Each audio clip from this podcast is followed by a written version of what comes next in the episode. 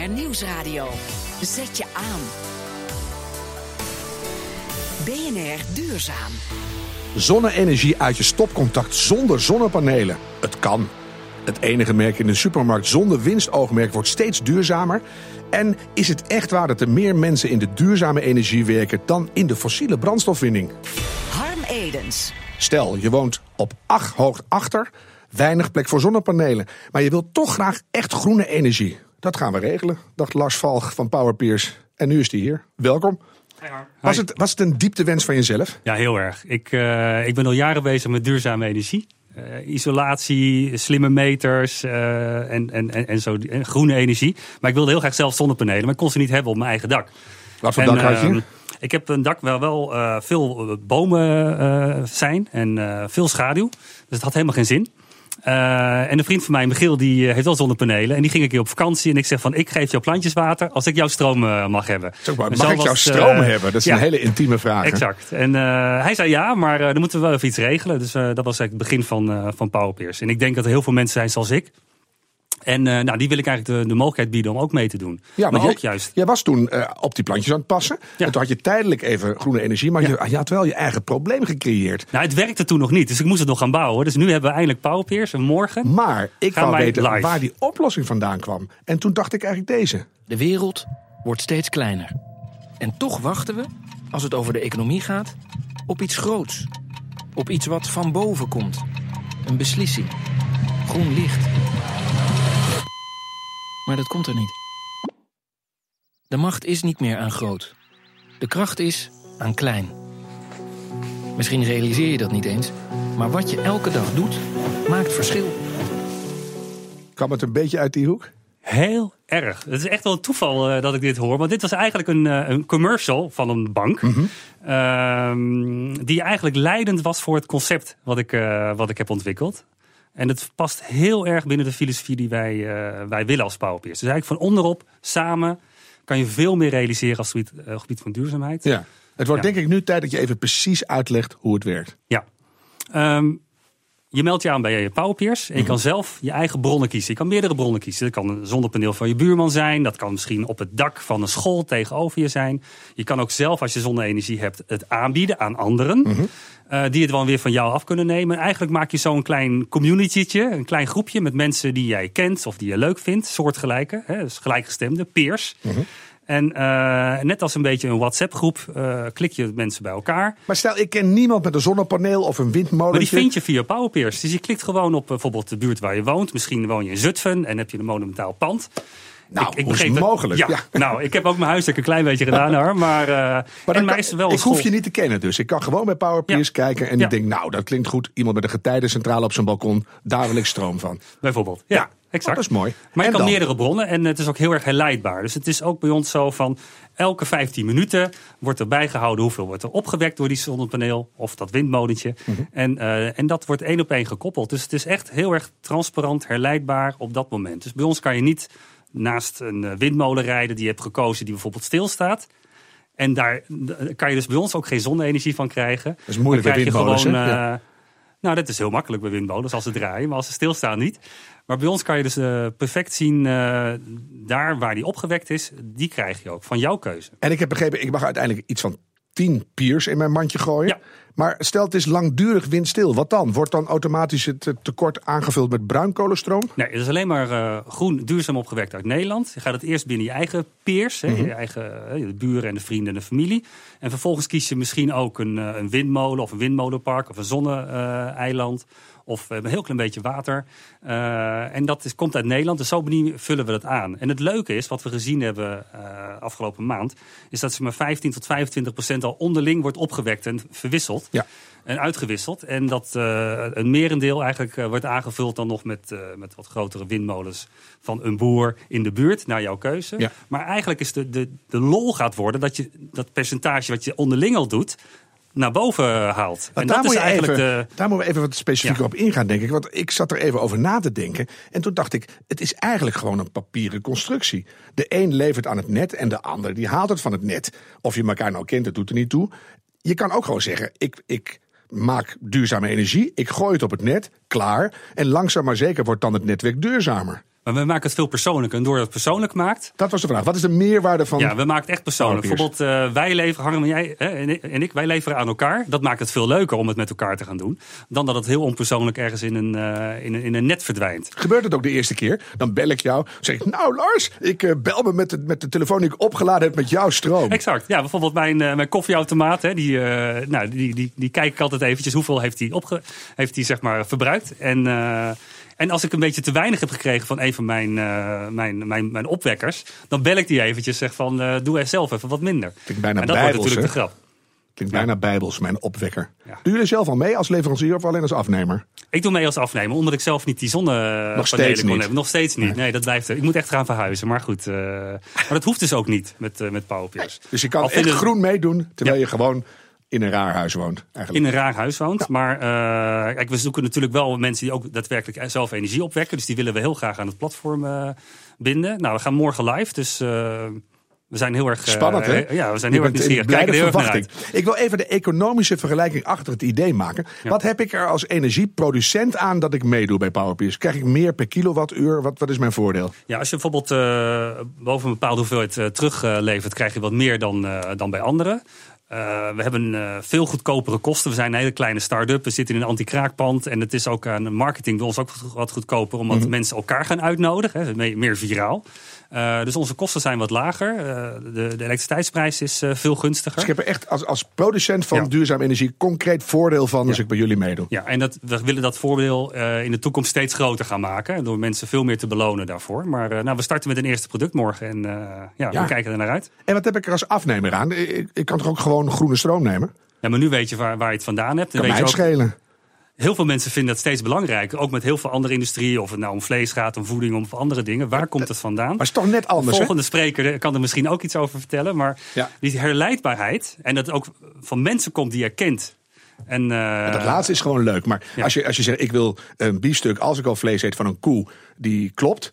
Dat is bij stroom dus eigenlijk ook zo. Exact, Dat groene ja. stroom is pas echt groen als je weet uit welk paneel of uit welke windmolen die komt. ja, en dat doen jullie. Echt traceerbaar, herleidbaar. Ja. En, en, En dat kan nog niet, want eigenlijk labelen we elke stroomdeeltje, zeg maar. En je bepaalt zelf waar het naartoe gaat en van wie je het eh, krijgt. iedere elektron is gecheckt. Yes! Mooi. Wat kost het als je mee wil doen met Power Peers? Het is eigenlijk een, eh, een abonnementsfee, daar, eh, hè, dat rekenen we. 6,99 euro inclusief. Per maand? Ja. Dat is echt extreem goed te plus, overzien. plus, plus je stroom, maar het is, eh, het is, het is vrij attractief. Nou is ondertussen, want ik heb natuurlijk eh, even doorgespit, is Powerpeers, voordat je goed er wel begonnen bent, is al onderdeel van Vattenfall. Ja. Een, een grote eh, reus uit Zweden. Ja. Waarom waren zij juist zo geïnteresseerd in jullie idee? Omdat zij een eh, energie-neutraal bedrijf willen zijn. En eh, heel erg willen kijken naar wat, wat klanten willen. Nou, dit is een, een, een businessconcept waar klanten een heel groot deel interesse in lijken te hebben. Mhm. En we hebben een kleine, noem het maar een hy- hybrid start-up, een klein start-up, om heel snel op die veranderende markt in te kunnen spelen. Dus vandaar de interesse. Maar dat heb je vast doorgevraagd. Is het met name voor hun interessant om hun netwerk langzaam te vergroenen zonder dat zij hele grote investeringen hoeven te doen? Want eh, als het goed doorgaat, gaat iedereen zeggen: ik wil ook zonnepanelen en ik verkoop het weer en dan wordt het langzaam groener. Zou je denken? Of is het voor hun een manier om heel erg met, met hippe dingen contact te houden? Nou, eigenlijk gewoon om in te spelen op de veranderende markt. Dat is eigenlijk het belangrijkste wat, er, eh, wat erachter zit. Mhm. Ja. En, maar hoe, hoe typeer je die markt dan? Iedereen wil groene stroom. Maar die kan je ook gewoon centraal opwekken op de Noordzee. Ja, het zou en-en zijn. Het is een transitie, zoals ze noemen. Dus eh, beide, beide is heel erg nodig. Ja. En wij pakken het eh, op deze manier aan. Hoe groot gaat dit worden, denk je, Lars? Even heel goed eerlijk nadenkend. Nou, ik hoorde net het nieuws dat eh, LinkedIn voor een enorm bedrag is verkocht aan, eh, aan Microsoft. Nee, 23 eh, miljard of zo. Ja, belachelijk. Ja, hoeveel hebben jullie eigenlijk ehm, gekregen voor dit idee? Nee, wij, wij, wij verwachten dat... dat Ga je dat, niet dat zeggen, het-? Nee, natuurlijk niet. Nee. Nee.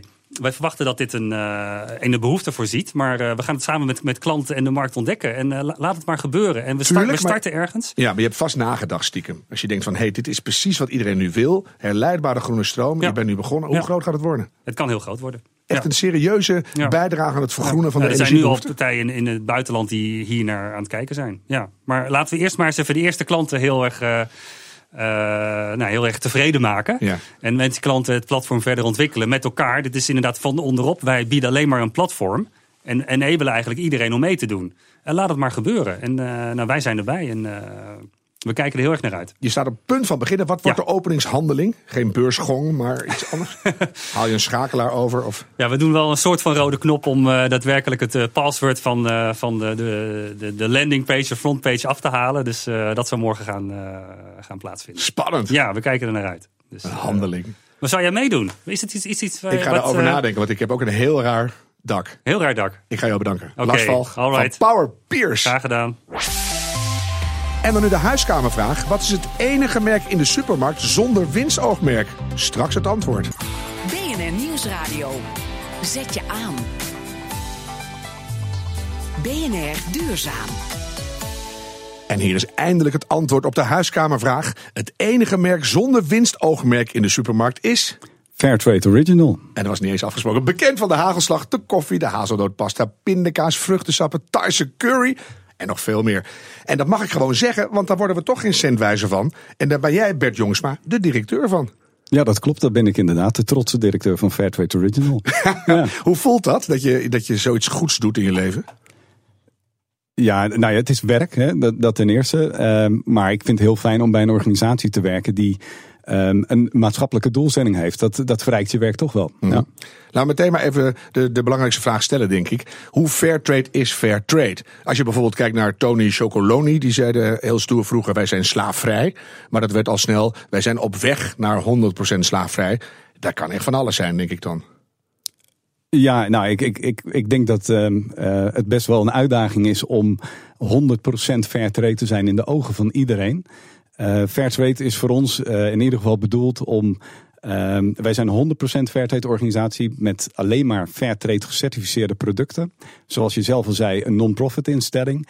En ehm, ja, wij, wij doen het uiteindelijk om eh, boeren tot ontwikkeling te brengen. Dat dat soms heel ingewikkeld is en dat dat met vallen en opstaat gaan, ja, dat is ook weer waar. Is fair trade voor al die pro- producten, want dat zit de hazelnoot tot curry's, tot van alles zit erbij. Is dat in de kern allemaal hetzelfde? Namelijk dat je de boer een goede prijs betaalt? Ehm, ja, het, het gaat over een eerlijke prijs, eh, goede arbeidsomstandigheden, geen kinderarbeid, eh voorfinanciering, dat, dat soort elementen zitten erin. Ja. Of, of komt er ook steeds meer bij kijken? Want je hoort zo langzamerhand dat eh, van die verhalen van lokaal profiteert alleen maar een bepaalde laag, hoor ik altijd. Is dat iets wat jullie ook proberen op te lossen? Of, of herken je dat helemaal niet? Nou, je ziet er wel nieuwe elementen bij komen. Milieu is een hele belangrijke. Er is ook een Fairtrade standaard voor milieu inmiddels. Maar even terug naar dat eerste. Dat, eh, vroeger zeiden ze altijd fair trade is de goede prijs voor de boer. En dan ging je er wat dieper op in. En dan kwam je erachter dat bijvoorbeeld een hele kleine laag daar ter plekke ervan profiteerde. En de boeren nog steeds niks kregen.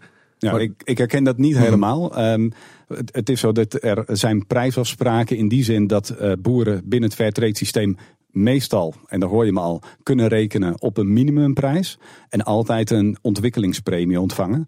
En, en dat is eh, ja, wel de garantie van het Fairtrade systeem. Ja. Je zei net al eh, in, in aanzet, de definitie van fair trade die verandert in de loop van de jaren. Kan je, kan je een paar dingen noemen die er langzamerhand aan het bijkomen zijn? Nou, heel belangrijk is, zoals ik al zei, het milieu. Eh, en ik denk ook dat dat terecht is. Het milieu raakt met name boeren in ontwikkelingslanden.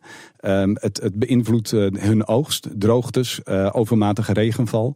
Dus dat is denk ik een hele belangrijke. Maar ook bijvoorbeeld gebruik van bestrijdingsmiddelen.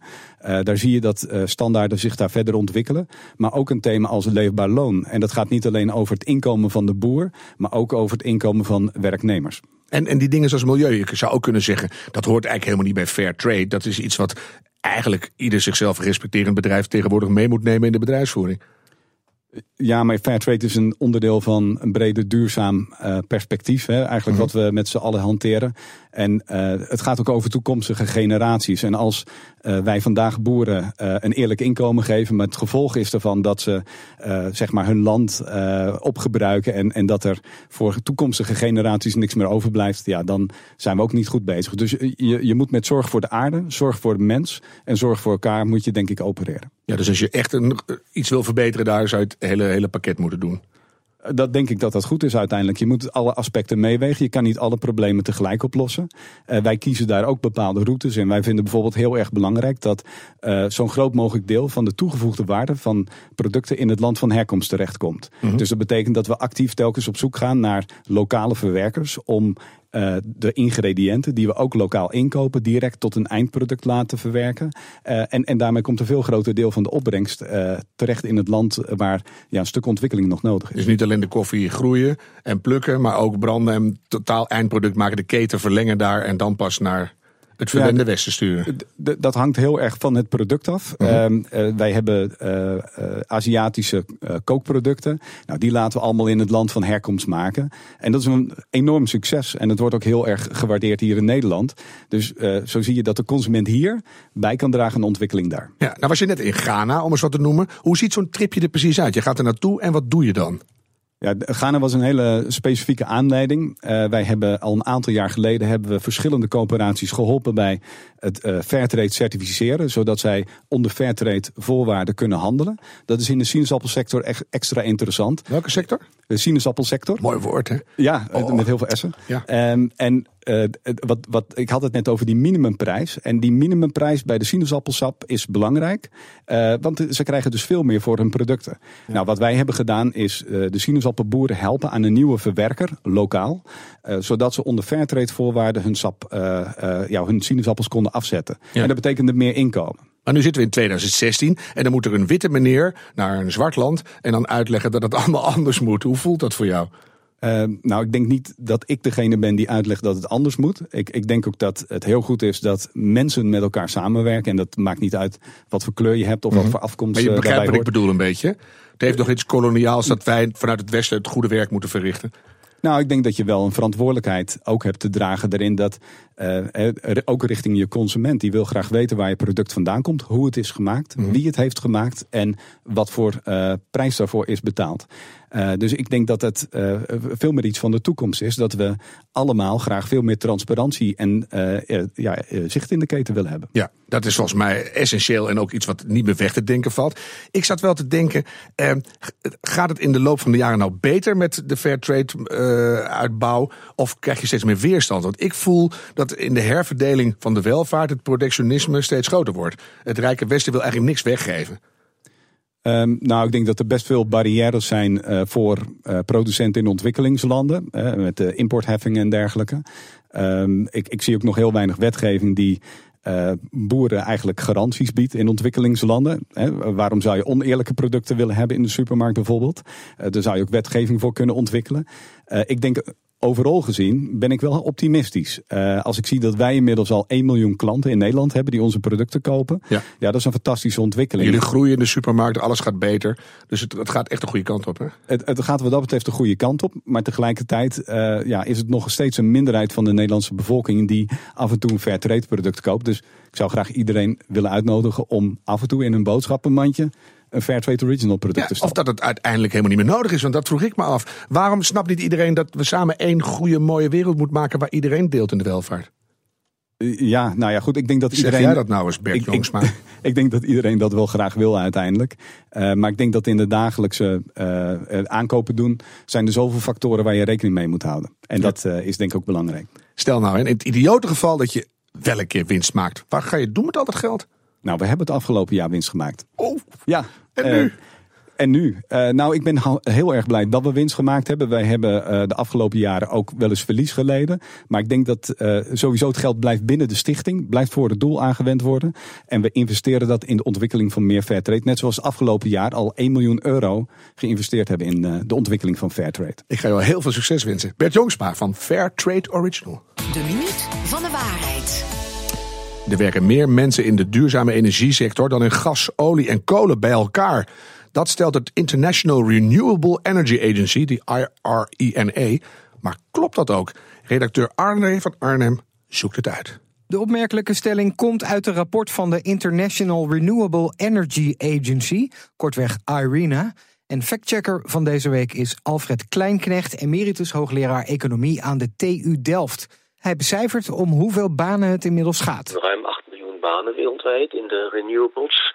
Waarvan overigens een behoorlijke brok in China, 3,5 miljoen. Maar ook in andere zuidelijke landen zoals uh, Brazilië en India. Europa neemt ook een behoorlijke hap. Nou, dat groeit met zo'n 5% per jaar. En onder de evenaar gaat dat nog harder dan bij ons. Want ze hebben natuurlijk meer zon, maar het probleem is bij hun ook dat die centraal opgewekte energie energie en die, die energienetwerken heel erg onbetrouwbaar betrouwbaar zijn. Dus er valt voortdurende stroom uit. En dat maakt decentrale opwekking juist heel erg interessant. Aan de fossiele kant gaan juist veel banen verloren, onder meer door de lage olieprijs. Ja, kijk, het is gewoon een proces van creatieve destructie. Zo, zo noemde Schumpeter dat uit. Creatieve destructie. Dus het nieuwe komt op en het oude verdwijnt. De, de fossiele industrie krijgt een soort Kodak-moment. Waar ze zich zullen realiseren, vroeg of later, dat ze aan de verliezende kant zijn. Overigens zijn er op de lange termijn veel minder mensen nodig voor de opwekking van schone energie, verwacht Kleinknecht. Kijk, over 20, 30 jaar zal het een rijpere industrie zijn die dan allerlei schaaleffecten, leereffecten benut heeft. En waar dan meer gestandardiseerde procedures en technologieën zijn. En dan worden ze natuurlijk hartstikke efficiënt. Dan gaan natuurlijk de prijzen omlaag.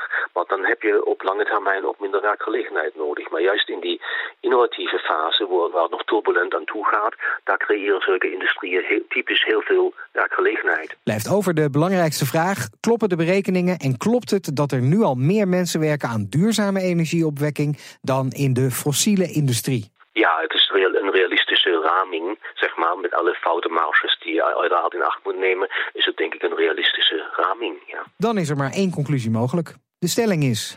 Helemaal waar. Straks staat hier Petra Grijze met BNR Spitsuur. Kijk, en zo klinkt Fairtrade hagelslag melk. Ik zeg, hou hoop en doe het duurzaam. Tot volgende week.